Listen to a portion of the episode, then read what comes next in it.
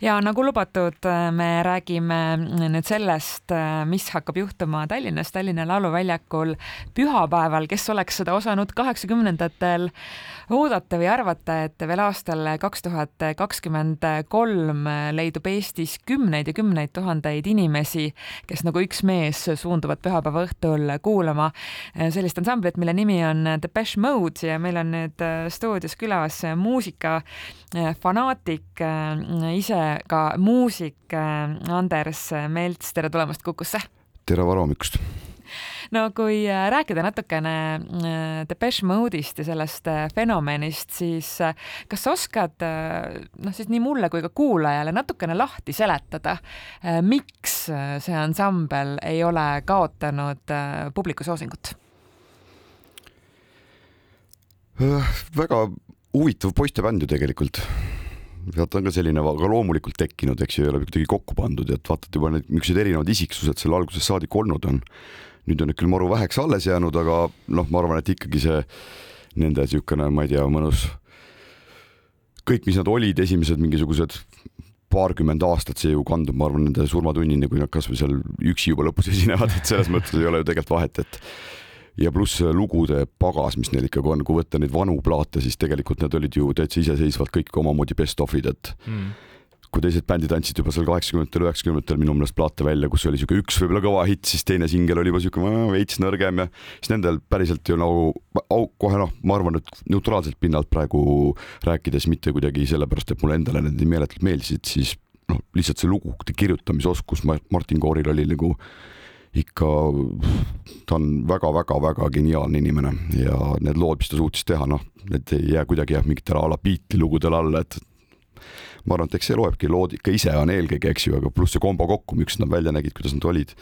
igaüks andis mingi oma väikse siukse pusletüki sinna juurde ja tervikpilt kokku tuli see, mis ta tuli, et. aga huvitav on ka Depeche'i puhul minu meelest olnud see, et kui me võtame kaheksakümnendate Depeche'i, see muusika on ikkagi veidikene teistsugune kui see, mis, äh, mis on näiteks Memento Mori, eks ole, et noh, ütleme siis kohati võib-olla tantsulikku diskobiiti tuli seal kaheksakümnendatel täitsa kenasti sisse sinna Depeche'i muusikasse, aga fännid on jäänud ikka selliseks, et noh, selles mõttes kuulatakse nii seda vana Depeche'it kui kuulatakse uut Depeche'it jah, eks muidugi Dave Kähani hääl ka võib-olla on ikka kuidagi see, mis on kuidagi nagu, et seda ikka tahetakse kuulda, et ma kujutan ette, on mingi seltskond inimesi, kes on sellest ammu väsinud.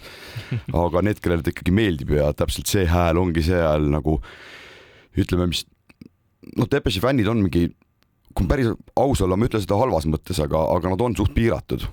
võib-olla üldse mingite suurte bändide kuidagi koondunud fännkonnad on veits piiratud, et kui nad suhtlevadki hästi palju enda sugustega, siis nad sealt nagu välja pole väga palju ei näe ka, et võtame võib-olla kindlasti Metallica, võtame mingi ma ei tea, mis kuule, Taylor Swiftid isegi näiteks minu meelest tänasel päeval, Swifti fännid on täpselt ka, eks ole. jah, et ega ja siis nagu elavadki nagu selles maailmas, kuulad võib-olla veel mingeid sündpopi bände, eks ju, veel mõnda vana bändi sinna kõrvale, mingit, ma ei tea, Kraftwerki, mida iganes. ja see on niisugune imelik andunud fännkond jah, kasvõi Eesti fännid, ma tunnen neid päris paljusid isiklikult ja ega siin ju ei piirduta ainult selle Eesti kontserdiga, et selles mõttes iga kord, kui Tepes tuurile läheb, siis minnakse ju vähemalt võib-olla viiele-kuuele kontserdile veel kõik koos mm. -hmm. et selles mõttes on see niisugune haruldane bänd, et selliseid tegelikult väga palju ei leia kui rääkida tegelikult üldse äh, fännidest ja fännide pühendumusest äh, veel, siis ma saan õigesti aru, et siin oli ka juttu kontserdi korraldajaga, et nende staatus just Eestis on tõesti eriline, et kui näiteks võrrelda kasvõi Soome kontserdiga, siis kuigi Soome on suurem riik, siis sealsele Depeche'i kontserdile on müüdud oluliselt vähem pileteid, et Eestis on nad kuidagi eristaatuses. kas oskad seda ka kuidagi natukene kas põhjendada või analüüsida? Kusjuures väga ei oska, sest ma olen ka nagu teadlik sellest, et kusagil Venemaal ja Saksamaal ja siis jah, Eestis on neil kuidagi võib-olla või isegi äkki võiks öelda Baltikumis või? Mm. on neil mingisugune eriline, eriline staatus, et aga kust see nagu alguse sai või miks see niimoodi on, tegelikult ma ei oska öelda, sellepärast et ega see Eesti Depeche'i fännkond oli ka ju tunduvalt varem juba olemas, kui tegelikult nad esimest korda Eestisse jõudsid, et kui nad esimest korda siia jõudsid, siis oli juba see baas siin olemas, et see ei olnud kuidagi sellega seotud, et nagu Hertz tuli näiteks kunagi mm, -hmm. et, et ka kuidagi nagu Eestisse ja siis siin oli ta mingi meeletult suur ja siis mul olid mingid muusikutest Inglismaal sõbrad siin, kes, kelle me viisime sinna, et oh jess, me viime teid mingi Öötsi kontserdile tasuta.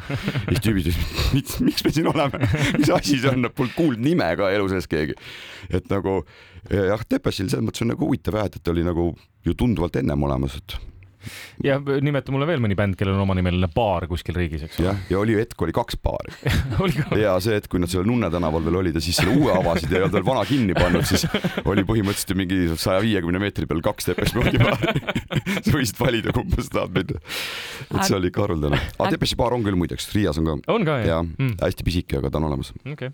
aga kui rääkida Depeche Mode'ist live-bändina, et tihti just selliste elektrobändide puhul tekib küsimus, et kuidas kujutab nende muusika ette või kuidas, millise vormi see võtab laivis.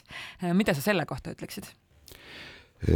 jällegi, see on ka üks nende trump, ma arvan, võib-olla kui me rääkisime siin ennem, et tegelikult neil on kogu aeg see põlemine ikkagi endiselt sees, mis siis, et nad on, ma ei tea, mida kõike oma elus teinud ja näinud, et selles mõttes on, nad ei ole kuidagiviisi väsinud ja kui nad, ütleme, need uus plaat on sammu parem plaat jälle, kui need ütleme vahepealsed, aga vahepealsed olid kuidagi ma ei ütleks bluusilikud, aga nad hakkasid, seal hakkas see vana inimene vaikselt ikka juba sisse tulema. no aga on ka ju vanust tulnud meestel juurde, eks ole. aga no laivis seda tegelikult ikka ei ole mm., et selles mõttes, et Dave, Dave Cahan on ikka ju täielik mingisugune nagu poisike lava peal ja mingisugune meeletu energiapomm ja mingi hüppab ja hõiskab ja vehib kätega seal kogu aeg, et ta on nagu noh nägin just siin mingi kaks nädalat tagasi Iggy Popi esimest oh, korda, ma, ma, ma ei olnud varem näinud.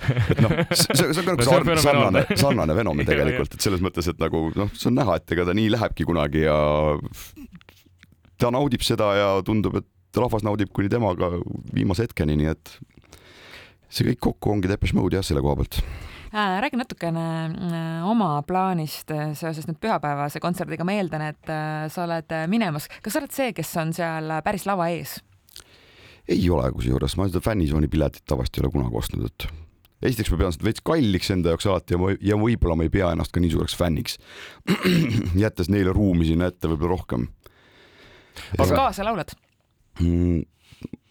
täitsa võimalik, see selgub koha peal. see tuleb niimoodi kuidagi noh, iseenesest, eks ole. aga, aga selles mõttes võib öelda küll, et äh, show's allahindlust ei ole, et, et kui mõeldes ka nende eelmiste kahe korra peale, mis Depeche on käinud, et võib eeldada, et sealt tuleb väga vinget show'd jah, ma mäletan, kui eelmine kord vist oli see, kui Fletcher banaani lava peal sõi, et noh, see oli ka niisugune mõnus show element. et, et noh, kindlasti, kindlasti selles mõttes loomulikult nad ju alati ikka panustavad sellele ja bänd on ju mis siis, et neil on kaks alles, siis need taustajõud on ka ju ikkagi kõik laval, et ega nad seal kahekesi suure lava peal ei ole. et, et jah me kuulame ka Depeche'it. ja äh, Kristjan valis, kas võib öelda, et äh, sinu isikliku äh, ühe lemmiku? Äh, üks, üks lemmikutest kindlasti ja see lugu ja, ja kui ma ütlesin äh, Andresele ka, siis ma saan aru, et see vist oli Tartu avalugu neil vähemalt selline ma, mälestus nagu on, ma saan aru. nagu oleks olnud jah, ma ka nüüd nii täpselt enam ei mäleta, sest Andres, sellest on ju kakskümmend viis aastat juba. ütles ka, et ta oli alles pileti sabas, kui esimesed taktid äh, algasid nii et äh, saame siis korra seda uuesti kogeda, Depeche Mode ja Never Let Me Down Again. Äh, võib-olla kuuleb seda juba ka pühapäeval mm, Tallinnas Lauluväljakul. Andres Melts, aitäh tulemast meile ja ilusat kontserti sulle! tänan kutsumast, teile ka head!